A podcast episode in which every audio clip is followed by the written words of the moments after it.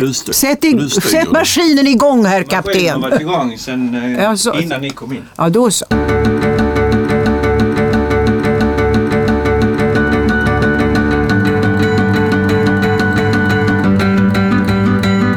Välkommen Hans Paulsson. Tackar. Tack. Välkommen till Båstad kammarmusikförenings poddradio. Det är en nyhet eh, som eh, ja, vi faktiskt började vid förra året. Så det var det 23 året då av, av festivaler som denna nyhet introducerades. Men du Hans har mycket längre erfarenhet än två år av fest. Hur många gånger tror du att du har varit här? Alltså, jag tror att jag har varit fyra gånger och spelat i festivalen. I den, eh, Jag var nog med redan, om inte första så dock andra året av festivalen. Eh, och ett par gånger har jag varit här och spelat som artist då, eh, med, under Helene Jarens tid och jag har varit ett par gånger Ja, und- under Under Karin Dornbusch, ja, för Ja. då har jag hört dig. Alltså under de senare Ja. gångerna. Och sen dessutom har jag alltså i förra året och i år har jag medverkat vid en kurs, en kammarmusikkurs för unga musiker. Ja, vad, det kanske inte alla, alla musiklyssnare vet. Vad är en sådan kurs? Det brukar kallas mästarklass. Och hur går det till? Jo, alltså man söker på vilket instrument man vill eh, till den här kursen. Det är inte bara pianister utan det är även i år har vi haft en sångerska också och en violinist. Och ehm, det handlar alltså om kammarmusik, samspel mellan piano och något annat instrument. Pianot är ändå i centrum. Eh, och ehm, det som gör den här kursen alldeles speciell det är att parallellt har tonsättaren Rolf Martinsson som är en gammal vän och kollega till mig från Musikhögskolan en kurs för tonsättare. Och eh, då gör vi så att alla tonsättarna får en tid innan kursen ett uppdrag att skriva varsitt litet kort stycke för solo eller ensemble. Eh, och sen arbetar studenterna med det primärt under veckan med tonsättarna och med lärarna. Och så, så uruppförs styckena sista dagen av Ja, festivalen. och det har alldeles nyss gjorts, för vi sitter här lördagen den 2 juli. Mm. Och klockan 11 startade denna vad ska vi säga, examens eller konsert får man väl då säga, avslutningskonsert för kursen. Ja, det kan man säga. Och det är väldigt roligt därför att eh, det speciella med att spela ett uruppförande, jag själv, jag har ju spelat enormt många uruppföranden genom mitt liv, alltså Ja. över 70 stycken genom åren. Men det speciella med detta är ju att man kan inte, man kan inte gå till Youtube eller någon skiva och lyssna på stycket. Det finns ingen inspelning. Det finns bara en väg in i musiken och det är med hjälp av tonsättarens text. Och då så ska man arbeta även med musik man känner till. Även om du spelar Beethovens månskensonat ska du inte gå på vad du har hört på en skiva utan ska gå på vad tonsättaren skrivit och försöka gestalta det. Eh, nu, det nyttiga för tonsättarna är ju att de måste ju formulera sig så att en musiker, och kanske också om hundra år, Kan, läsa, framföra det. Ja, kan läsa sig till vad som ja, avses. Så, ja, så det, det är egentligen det som är övningen för tonsättaren. Att koppla till framförandet från det skrivna partituret. Ja, visst. Och det är ju Mm. dessutom så att det, det är ju bara musikhögskolestudenter som är välkomna Ja, till den här kursen. ja, visst. och därför är de ju på en hög nivå. Så att Mm. tonsättaren får också lite råd om till exempel instrumentalt. Är det bra skrivet för piano? Är det bra skrivet? Går det att spela Ja, går det på här att framföra Ja. helt enkelt? Ja. det finns ju en, det är en liten gammal vanföreställning det här att sån här konstig ny musik, den är skriven, den går inte att framföra. Nej, alltså ibland är det så här att... Den förstör instrumentet eller, ja, så liknande. kan det också vara. Ja, Och, mm. och ibland är det också så att kanske tonsättarens hjärna eh, alltså den som sitter i huvudet, att den, den gärna eh, tar över. Och eh, då, då tänker man inte på att eh, praktiska handlaget Nej. i instrumentet. Sen menar inte jag att det praktiska handlaget i instrumentet är det fundamentalt viktigaste. Därför att man ska tänka musikaliskt som tonsättare. Genom historien är det ju så att vissa tonsättare har ju tänkt musikaliskt och sen får pianisten klara det så att säga bäst han eller Ha- hon kan. ja, hon- Eh, Kan du ge något exempel? Beethoven, ja, Ah, Beethoven är ju i hög Mm. Alltså det intressanta med Beethoven som exempel är ju att Beethoven spelade ju själv som yngre eh, och eh, sen blev han döv. Ja. Så länge han spelade själv skrev han bra för piano.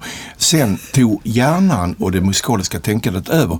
Så i slutet av sitt liv är han fullkomligt hänsynslös. Inte bara mot pianister utan även mot violinister Mm. i stråkkvartetter och så. De klagade ju redan på hans tid att det här är Det ospelbart. här är obe- ja. Varvid Beethoven svarade om Gud ger mig ett infall, vad bryr jag mig om en liten skitfiol? Som han uttryckte sig på sitt kärnfulla sätt. Ja, men det är rätt inställning.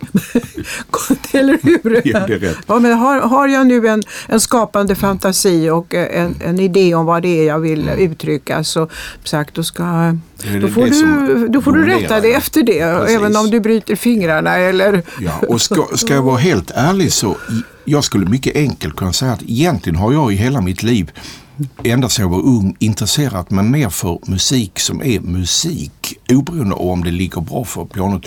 Eh, mer än att spela de tonsättare som pianisttonsättare som till exempel Rachmaninoff och Liszt. De kan ju skriva svårt för piano men de skriver alltid bra för piano. Alltså det är utförbart Ja, det är fastän det är så förskräckligt Det- många det- noter. Publiken Ja. tror ofta, oh, Ja, ja, just det, det är ett och det går ström, fort och så ja, massor med visst. Mm. Men det ligger så bra för piano. De, de tänker utifrån pianot. pian- ja. Medan till exempel Beethoven eller en Schubert skriver musikaliskt underbart och alla kan höra hur det ska vara.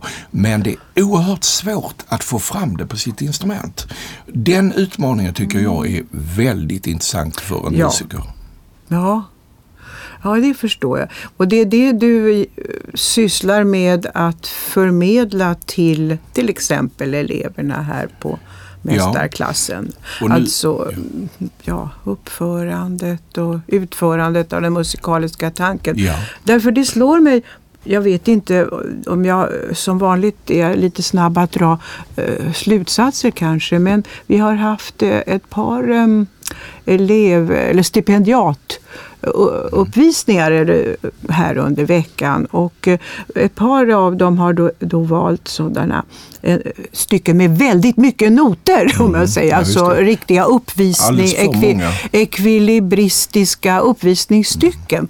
Och då tänker jag, är detta en ny trend? För det var en, en annan i publiken som sa, ja men så här gör de nu för att de vill tävla i eller om priser och stipendier. Och då blir det en form av att man, ett repertoarval som handlar om att visa sin briljans på instrumentet. Har du Alltså, lagt märke ja, till ja, det? Alltså det tycker jag är en trend i vår tid. I- ja. Nu har jag ju faktiskt varit professionell musiker i. Mm. ganska exakt 50 år. Och jag har ju också upplevt många av de gamla, den gamla tidens musiker. Eh, både på konsertestraden och träffat och, och så. Och förr hade man nog en filosofi, enkelt sagt, att det finns musikalisk perfektion och teknisk perfektion. Ja. Och det musikaliska uttrycket är viktiga. Om man sen spelar lite fel, det spelar inte så stor roll. Så tänkte också Beethoven. För att Ja, visst. som- Ja, det har jag lärt mig Medan någon gång. idag är nog fokus väldigt mycket, och kanske beroende på alla perfekta skivinspelningar Ja. Mm. och sådant, hopklippta av datorer och allt, att man eftersträvar att spela rätt och gärna visa sig själv. Egot är ju väldigt starkt i vår tid, det vet Ja, på alla ja, sätt. visst, och och eh, och då, eh, då vill man visa upp sig. Och i värsta fall på bekostnad av en stor tonsättare som ju, de var inte helt obegåvade de där som hette Beethoven och Chopin och Stravinsky och vad de hette. Utan att man, Mm. man liksom sätter sig själv över och använder musiken för att visa sin skicklighet. Mm. Det, det är en filosofi som är mig väldigt främmande. Men det var väldigt uppmuntrande att höra för jag tycker precis som du i den Ja, saken. det var ju uppmuntrande att höra att en tycker likadant. Ja, ja, ja. Ja. Men så det- har det ju varit också till exempel all min undervisning på Musikhögskolan genom åren och, och eh, nu på den här kursen. Att jag menar att det första en musiker ska göra är att lära sig läsa. Läsa noterna, texten. Inte bara vilka toner som ska spelas utan alla anvisningar om tempo, styrkegrader, om toner ska bindas ihop eller skiljas. All denna text i den, denna heliga text skriven av en stor tonsättare. Det börjar med att man analyserar vad som ska göras och sen letar man sig så gott man kan fram till att klara av att göra det. Men det börjar i den änden. Ja, ja. Och det är klart, sen är det naturligtvis så att musikstycken är ju olika. Eh, somliga ja. musikstycken är lättgods och annat har ett tyngre innehåll. Det är som litteratur det, Ja, precis som, ja. Mm. Och det tycker jag vi får under en sån här kammarmusikvecka får åtminstone jag mm. en, en bild av detta. Mm. Alltså här framförs inte bara tunga stycken Nej. utan också och det, det finns... och det är nog en klok blandning för örat kan väl inte Eh, att det är som livet själv. Ja. Det är ju inte bara arbete utan det är också, också. avkoppling. Ja. Um, ja, det finns två myter om mig som ibland jag hör från unga Jaha. musiker. Den ena är att jag bara gillar de här stora tunga verken. Och det, det är riktigt. Därför att det är ju, om vi säger mm. att jag, det finns pianomusik skriven som jag skulle behöva 250 år för att kunna spela allt. Mm. Jag måste göra ett urval som tilltalar mm. mig och jag tilltalas av de här stora utmaningarna, mm. Sonater och sånt. Uh, och jag lägger helst min tid på detta. Men den andra myten med mig är att jag är en virtuoshatare, att jag tycker illa om virtuoser. Men det stämmer inte alls.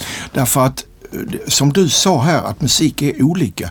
Oh. Jag tycker illa om om man spelar till exempel ett stort, djupt, innehållsrikt verk som ska inte gå för fort. Om man spelar det vansinnigt fort bara för att man kan, då blir jag mm. hysterisk. Mm. Men däremot är musiken avsedd att vara virtuos och ja. ska blända och briljera, då ska man blända och briljera. Annars missar man karaktären på det verket. Mm. Och musik som är glad, som är rolig, den, den ska vara rolig. Ja. Då ska man inte pracka på den någon sorts allvar. Sådana här tunga klanger, mm. duns och sådär. Nej. Och, men det, min reaktion är ju framförallt om det är ett stort innehållsrikt verk, mm. att man tar det lite för lättvindligt. För att då måste tänkas igenom ja. och analyseras faktiskt in i minsta detalj. Och du som då har en så lång karriär och naturligtvis har spelat, låt oss tala exemplet Beethoven, eh, så många gånger att du inte kan berätta hur många gånger det är. Har, eh, gissar jag då, hittat nya, eh, nytt innehåll i samma text så att ja, säga. Ständigt, ständigt. Ja. Det, är, det, är intressant det du säger för att uh, vissa verk har man ju vilken tonsättare den ja. har man kanske spelat för 20-30 år sedan. Ja. Och så kommer man tillbaks, det kanske går ett par år emellan, mm. sen kommer man tillbaks. Mm. Varje gång när det är mm. riktigt stor musik, alltså det är som jämför med skådespelare. Skådespelarna ja. är ju väldigt lika oss musiker. Visst. Man har en text och man ska gestalta den. Men varje gång man läser de här stora texterna, om det är Shakespeare eller det är Beethoven eller vad det vill, mm. så upptäcker man ju nya bottnar och nya dimensioner uh, i dem. Och det är ju det som gör att man fortsätter genom åren. Och sen är det väl också så att du som eh, konstnär du utvecklas ju, du har nya erfarenheter. Så när du tar fram eh, sonaten eh, efter mm. till exempel två och ett halvt år så finns det hos dig någonting mer än som fanns för förra gången du arbetade ja, med sonaten. Man hoppa, hoppas ju det. Man hoppas ju åtminstone att det inte har stått stilla. ja, att, eh, visst. Det, det hoppas att man ser det på något annat det, men det sätt. hoppas ja. vi ju alltid mm. och det tycker jag också är, för mig som är mera läsande än något annat, mm. är det så med att jag läser om klassiker klassiker eller ja, romaner som jag har läst. Och, hitta på, och ibland kan eller det vara som en helt ny, eh, ja eller en film. Det är helt nytt. Fast ja, jag bevisligen har, har, tagit del av det kanske för 10 år sedan eller 15 Och då menar jag att det har att göra med mig lika mycket som... Absolut. Ja. Där är också en jättebra sak du nämner. För att alltid när det är en, en utövande konstnär, om det är en skådespelare eller en, ja. det är en, en, musiker, så samarbetar man med sin publik. Ja. Och eh, allting, om jag avser en viss sak med mitt spel på ett ställe i ett stycke mm. så kanske inte publiken tänker det, uppfattar det så som jag vill. Nej. Jag måste ha klart för mig vad jag vill uttrycka. Men jag är bara glad om folk upplever det på ett annat sätt. Ja, ja visst så måste det så, ju vara. Ja. Om man ska ta ett mycket enkelt exempel, låt oss säga ett, ett, ett eh, stycke av Schubert som är, jag upplever som oerhört melankoliskt och tragiskt.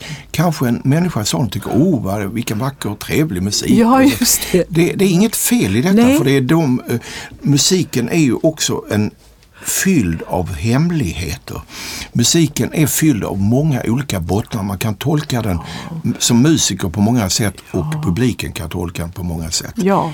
Eh, och ingenting är rätt och ingenting är fel. Nej, men där, det är så klokt sagt för att eh, som du säger, vi kan inte vänta oss om vi har tänker att det här är ett tragiskt stycke som nu kommer att framföras. Att alla i Apelrydsladan ska då falla i djupa så tragiska Nej, nej, nej, eller visst. ledsna tankar utan någon kanske överhuvudtaget inte är riktigt vaken eller intresserad. Och Men jag, andra- jag tycker att det är väldigt Ja. viktigt att man att man gör, har detta klart för sig, att det är ingenting som är rätt eller fel Nej. i tolkning. Därför att eh, många människor, jag har hört många gånger någon som säger, jag lyssnar inte på klassisk musik för jag förstår den inte. Förstår, jag, jag förstår inte heller klassisk musik. Nej, vad jag förstår. Jag, jag förstår inte den.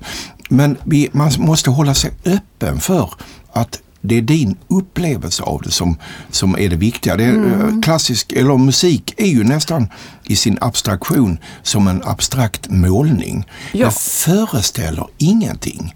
Utan det är dina reaktioner. Om, till och med om du blir upprörd och tycker det här är ju rena skräpet eller du tycker något Ja, är just lite rörande eller det är lite Ja. skojigt eller vad du vill. Det är de, det är det, de reaktionerna som verket spelar med. Ja, just det. Alltså verket är ju inte i huvudsak riktat till det resonerande förståndet utan till förståndet Mm. i eh, det, det som tar hand om våra intryck och känslor.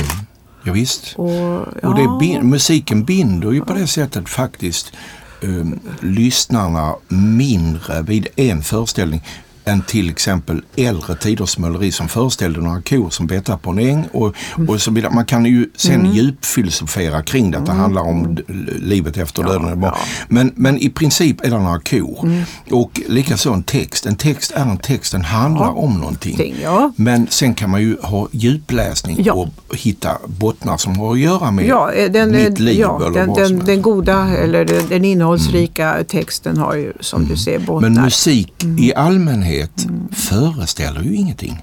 Det är, utan det är, Fast den, det där gamla begreppet programmusik. ja det fanns ju också. Ja visst, och det var ju väldigt populärt Mm. ett tag. Ja, det är ju väldigt behändigt också att musiken föreställer. Det är en gök som gal. Ja, eller ett, just det. en, eller, eller, ja, just det. Post, Här det kommer fanns ju redan på Bachs tid och Ja, så. mm.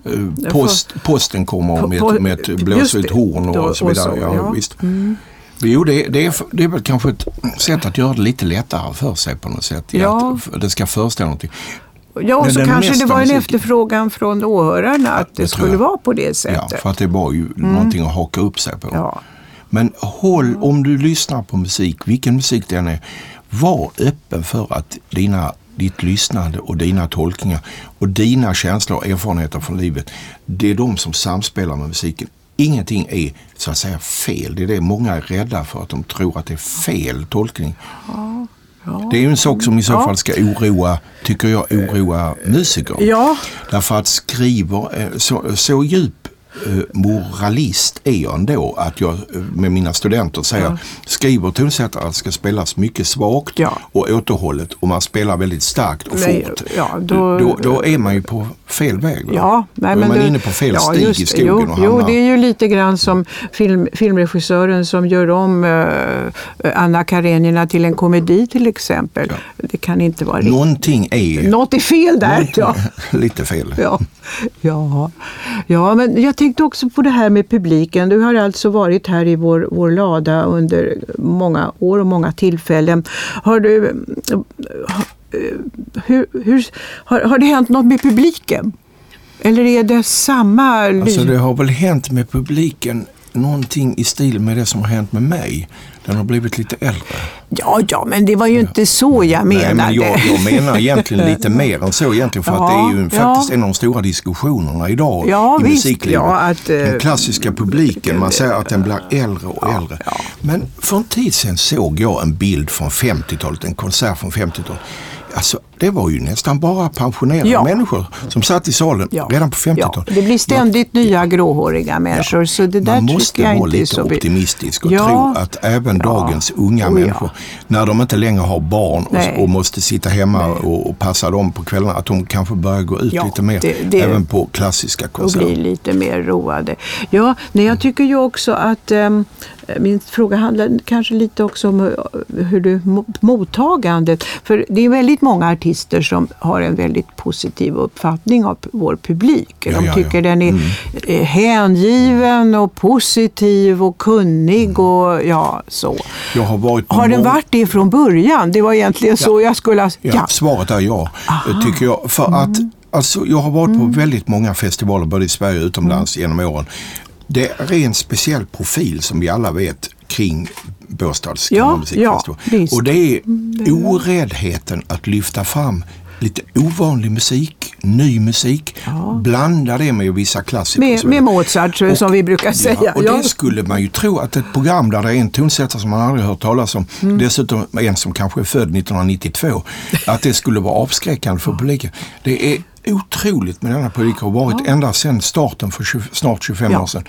Så att man har varit nyfiken och gått man ur huset för att höra, höra detta nya som Ja. man inte känner till. För förr Förr var det ju ofta så, tycker jag, med publik och det är, det är väl på många håll fortfarande så, att om det är någonting jag inte känner till så går jag inte. Nej, precis. Det är vad många konserthuschefer säger. Därför måste vår repertoar se ut så här och vi kan på sin höjd smyga in ett nytt, ett nytt stycke här.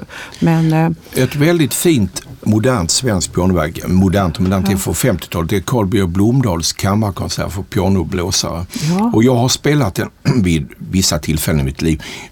Jag minns att jag spelade en gång i Stockholms konserthus på en konsert med bara nutida musik. Jag tror inte det i stora salen i Stockholms konserthus var man hundra människor och lyssnade. För att det, men sen har jag spelat den här Blomdahls konsert i Berlin och där var det fullkomligt utsålt. Eh, Och då frågar jag hur är det möjligt att det kommer en pianist och spelar Blomdahl. Hur många känner till Carl Blomdahl i Berlin? Nej men det sa direktionen där, det är just därför det kommer så mycket folk. För de är nyfikna på något och, nytt. och vad det är de... De, det här, Ja, Hade jag spelat Grigspianokonsert hade kanske bara hälften kommit. Och den har de hört tusen gånger.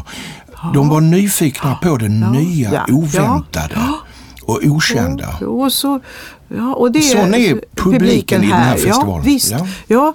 eh, vi upplevde det igår kväll. Ja, nu är det ju lördagen den 2 juli och det var då vi lyssnade till ett sådant där nytt verk ur uppförandet av Benjamin Sterns Mm. verk. Och, som också radion var vänlig att sända ut. Så det var ju fler. Och då, stämningen var som du säger väldigt speciell. Alltså, det var mycket folk. Ja. Ganska full, näst, ja, två stolar kunde jag se fria. Och så den här eh, positiva nyfikenheten. Mm. Och det tycker jag också är något av Apelryd-publikens signum. Absolut. Det, det, och det, det är också ett väldigt bra koncept i programmen här i Båstad. Att varva det nya med Mm. Ja, det med- klassiska, ja. traditionella. För, att- och det har jag ju genom åren också, det upptäckte jag nog redan i Mm. sl- slutet av tonåren, att jag, eftersom jag gärna spelade nutida musik också, Mm. att om jag springer, om jag börjar med Mozart och sen spelar jag ett nutida verk och sen spelar jag Beethoven eller Chopin. Ja. Då sitter folk där. Eh, Man ska gärna lägga det nya verket i mitten. Ja. För lägger man det i början kommer folk för sent till konserten. Lägger man det på slutet går de hem innan det är slut. Men om man lägger det i mitten då publiken Ja, då- sitter fängslad i sina stolar. då. Då, jag har ofta märkt det att människor kommer och säger att ja, det där med nya musiken det, det såg jag verkligen inte fram emot. Men det var ju ett helt fantastiskt Ja, just det. Det är också det att ett modernt verk speglar sig i de stora klassiska mästarna. visst gör de det. Ehm, om du hör Mozart och sen hör ett modernt verk, då får det moderna verket en speciell relief.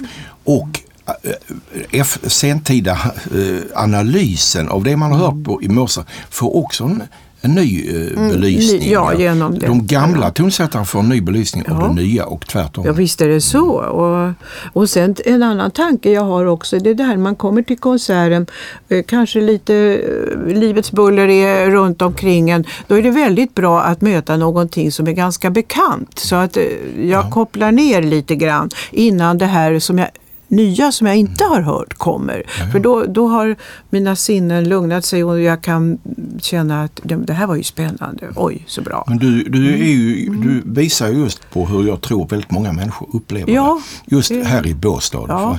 För, för att här är här, alltid har det varit en oräddhet när det gäller repertoaren. Och det, man, även om man väljer en gammal eh, välbekant tonsättare så är det ofta verk som inte är så kända heller. Just det. Och det är också en sak och det har, det har jag också alltid haft i min ska vi säga, musikeridé att om jag spelar Beethoven behöver jag inte bara spela Månskenssonaten eller Patetik. utan... utan där är ju 32 pianosonater av Beethoven och det mm. finns ju hundratals verk att shoppa. Spela någon gång de där verken som man aldrig får höra. Mm. Och då blir mm. människor ofta väldigt uppiggade. Ja, det är alldeles sant. Uppiggade blir vi av musik.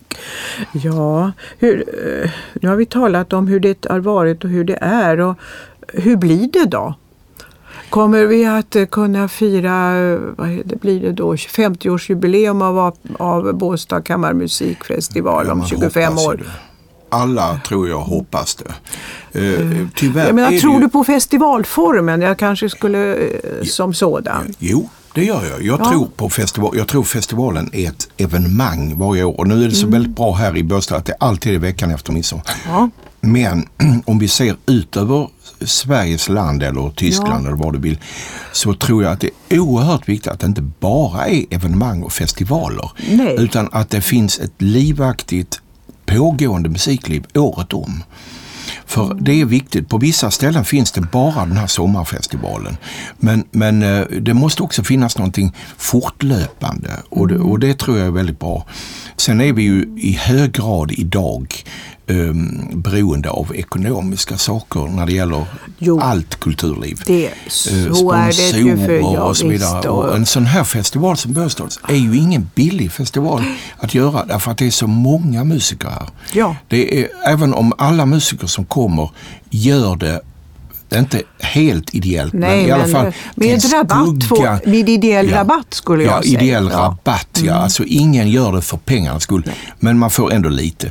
Men, men eh, det, det, kostar ändå oerhört ja. mycket och det är många musiker.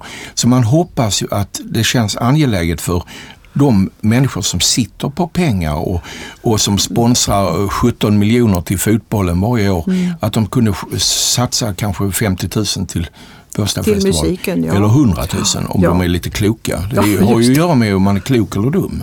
Det är alldeles riktigt. Det har att göra med om man är klok eller dum. Därför att om vi då ska komma mot ett, eh, ett lysande statement här på slutet. Blir man klokare av att lyssna till musik? Det tror jag. Alltså jag man tror behöver att, inte vara klok från början, ja, man blir klokare. Statements här, jag skulle mm. vilja göra uh, två små statements här. Mm. Det ena är att jag tror att idag när vi är så måna om att bygga upp vår kropp och hålla vår hälsa igång och vi går på gym och lyfter eh, skrot och annat. Att inte bara kroppen utan också det som förr hette själen och intelligensen tränas. För det är faktiskt en utmaning för hjärnan att lyssna på musik. Om det är ett välkänt stycke eller om man, och nu säger jag ordet lyssna, inte bara höra, inte sitta med en bok eller se på TV. Nej, nej, utan det är just det här att man sitter och lyssnar. Ja. Det tränar eh, själen. Sen eh, mitt andra statement är, det handlar om kultur och konst och det är att, att tänk själva om det gäller låt oss säga, nu ska jag vara lite elak, eh, det, om det gäller stora affärsmän eller kända politiker och så vidare om hundra år, hur många minns dessa personer?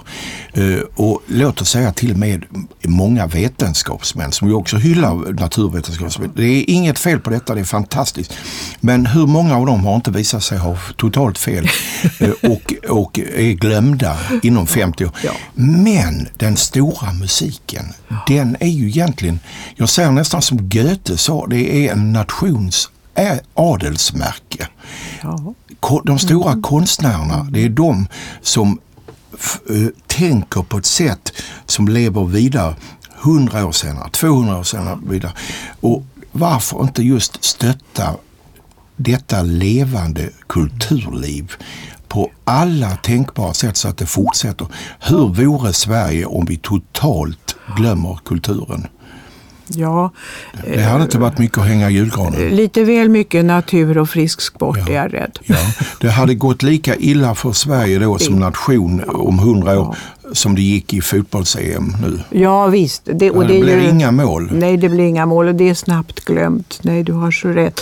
Nej, de gamla romarna hade nog rätt när de konstaterade att livet är kort men konsten varar länge. Ja, det är rätt.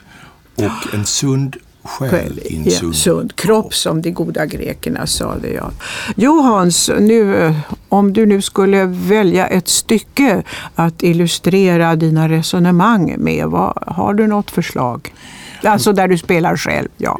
Ja, alltså jag har ju eh, till min egen glädje och kanske andras fasa spelat in väldigt mycket genom åren. Det Ja. finns massor med CD-skivor. Och det är ju jättesvårt att välja. Jag- Jag har ju också spelat mycket ny musik som vi har talat om. Ja. Men, men kanske man ändå ska välja nu som en avslutning någonting lite mer välkänt och en tonsättare som står mig oerhört nära är Schubert med sina olika bottnar av, som vi talade om. Musik kan innehålla mycket. Det kan låta vemodigt och samtidigt glatt på en gång. Ett Schubert-stycke, till exempel ett välkänt impromptu i Astur med opustalet 90 nummer 4. Då får vi höra det. Tack Hans Paulsson. you